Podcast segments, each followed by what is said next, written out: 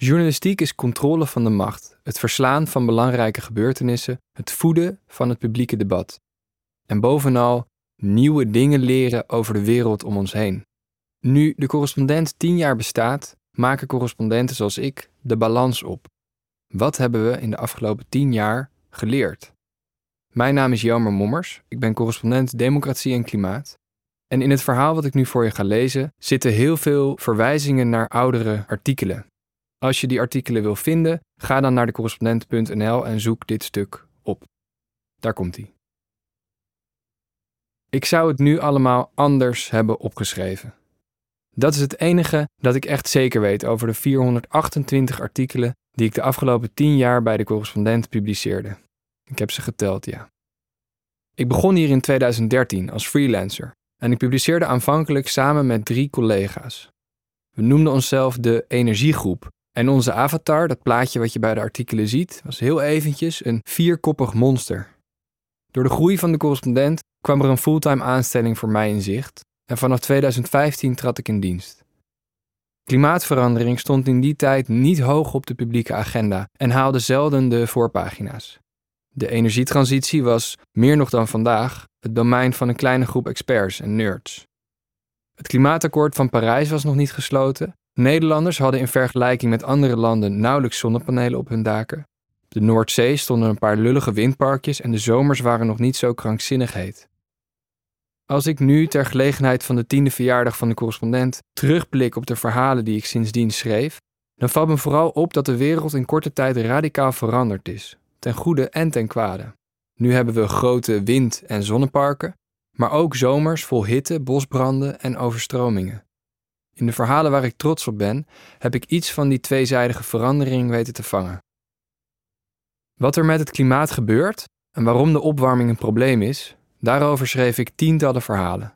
Of het iets geholpen heeft, weet ik niet. Onder artikelen krijg ik nog steeds wel eens het advies om het eens van de andere kant te bekijken. Maar dat zijn nu, nog meer dan tien jaar terug, minderheidsgeluiden. Ik begon mijn correspondentschap met een kleine persoonlijke obsessie: apocalyptisch denken. Daar maakte ik een serie over. Hoe de manier van denken van alle tijden was en nu ook op het klimaatprobleem werd geplakt. Ik vond mezelf al groot genoeg om de piepkleine vraag te beantwoorden of klimaatverandering het einde van de wereld wordt. Nee, was het antwoord. De risico's van de opwarming zijn gigantisch, maar het voornaamste probleem is dat klimaatverandering niet ons einde wordt, niet apocalyptisch is. We moeten met de gevolgen leven. Ook met het feit dat de mensen die het minste aan de opwarming bijdroegen er de hardste klappen van krijgen. Daarom moeten we de schade zoveel mogelijk beperken kan dat ook. Ik probeerde een feitelijk midden te vinden tussen apocalyptisch denken en wensdenken. Ik schreef over duurzame energie, een ander dieet, ander vervoer. En ik concludeerde dat dankzij al die alternatieven onze kaarten, de kaarten van de mensheid, best goed geschud zijn. Er kan ontzettend veel en het kan snel, dat was een rode draad. We kunnen boven onszelf uitstijgen. De duurzame verbouwing van onze samenleving is ook een kans, juist voor ontwikkelingslanden. Het is een nieuwe bron van welvaart en misschien is het ook wel een reden voor een feestje.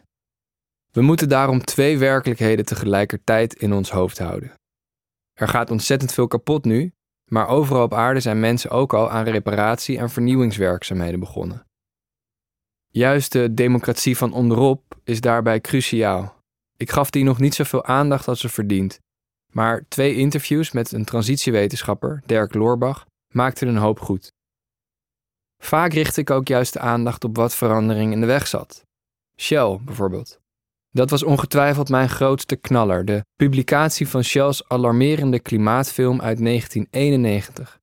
De film Climate of Concern kwam 15 jaar voor Al Gore's An Inconvenient Truth uit, maar bevatte dezelfde voorspellingen en dezelfde alarmerende boodschap.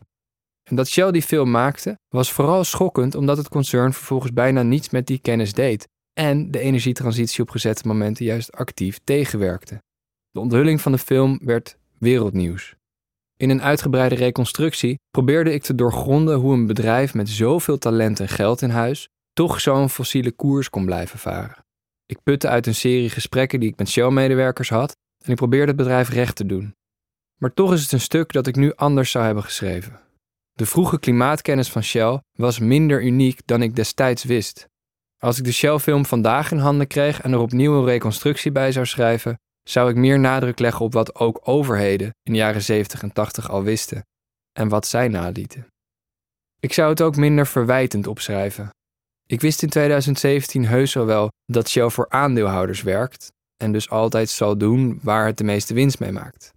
Maar ik nam dat Shell destijds toch ook kwalijk. Ik bleef geloven dat het bedrijf ook een groener pad had kunnen kiezen. Van die illusie ben ik inmiddels wel genezen.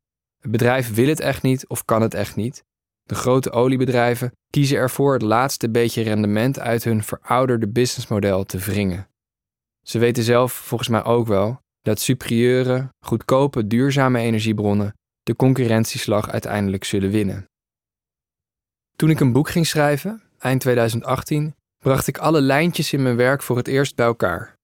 Ik probeerde voorbij te gaan aan het dommige dilemma dat het klimaatdebat te lang in zijn greep hield. De vraag of we individuele of collectieve actie nodig hebben om het klimaatprobleem op te lossen. Allebei natuurlijk. We hebben een veel actievere overheid nodig en burgers die zelf aan de gang gaan, die alternatieven opbouwen, ander gedrag gaan vertonen en zo de verandering in gang zetten die het voor de overheid en bedrijven weer makkelijker maakt om nieuw beleid te voeren. Het is een virtueuze cirkel. Naast kritische analyses van de klimaatpolitiek schreef ik daarom veel verhalen over wat je zelf kunt doen, van anders eten tot anders reizen. En in andere stukken probeerde ik te laten zien dat onze acties bij elkaar optellen. We vergeten het vaak, maar wat wij doen, zeggen en dromen heeft ontzettend veel invloed op anderen. Samen met collega Lim Berger cureerde ik een serie essays die dat nog maar eens liet zien. Die serie heet De Afhankelijkheidsverklaring. In 2022 maakte ik een nieuwe, geactualiseerde versie van mijn boek. Ik kon gelukkig wat verouderde passages eruit halen. En als ik nu terugkijk, dan blijft dat boek de beste samenvatting van mijn werk. Dit kan nog steeds een mooie eeuw worden, schreef ik een nieuw nawoord. Al moet ik toegeven dat de moed wel even in de schoenen zonk toen ik laatst in een fotoserie een Chinese dame zag met een hittemasker dat verdacht veel leek op het hittepak dat op de omslag van mijn boek stond. Dat had ik dan weer liever niet gezien. In 2020 verschoof mijn werkgebied. Ik wilde het wat minder hebben over windmolens en wat meer over onze democratie. Hoe Nederland bestuurd wordt en of dat eigenlijk nog wel past bij de schaal van de uitdaging.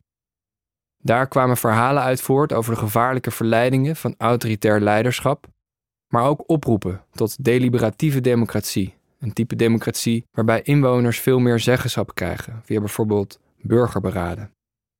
Dit jaar gaf ik een lezing waarin ik een nieuwe blik op vrijheid voor het voetlicht probeerde te brengen. En de grootste stunt van mijn correspondentschap? Ongetwijfeld de deepfake van Mark Rutte. Een deepfake die theatermakers Rebecca de Wit, Anouk Nuyens en ik maakten. We legden de man die Nederland toen al elf jaar leidde onze woorden in de mond. Een zeldzaam genoegen. Het is misschien vreemd als je al tien jaar over het klimaat schrijft, maar ik heb er nog steeds lol in.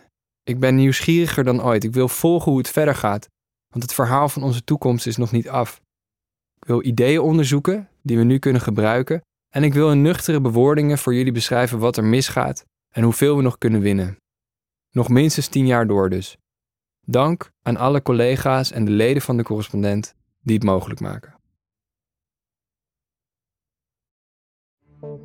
Het is de missie van de correspondent om voorbij de waan van de dag te gaan. Onze correspondenten voorzien het nieuws van context en schrijven over de grote thema's van deze tijd. De correspondent geeft me de vrijheid om mijn nieuwsgierigheid te volgen en de tijd om verhalen te schrijven. En zo probeer ik onzichtbare structuren zichtbaar te maken en een andere kijk te bieden op debatten die het nieuws domineren.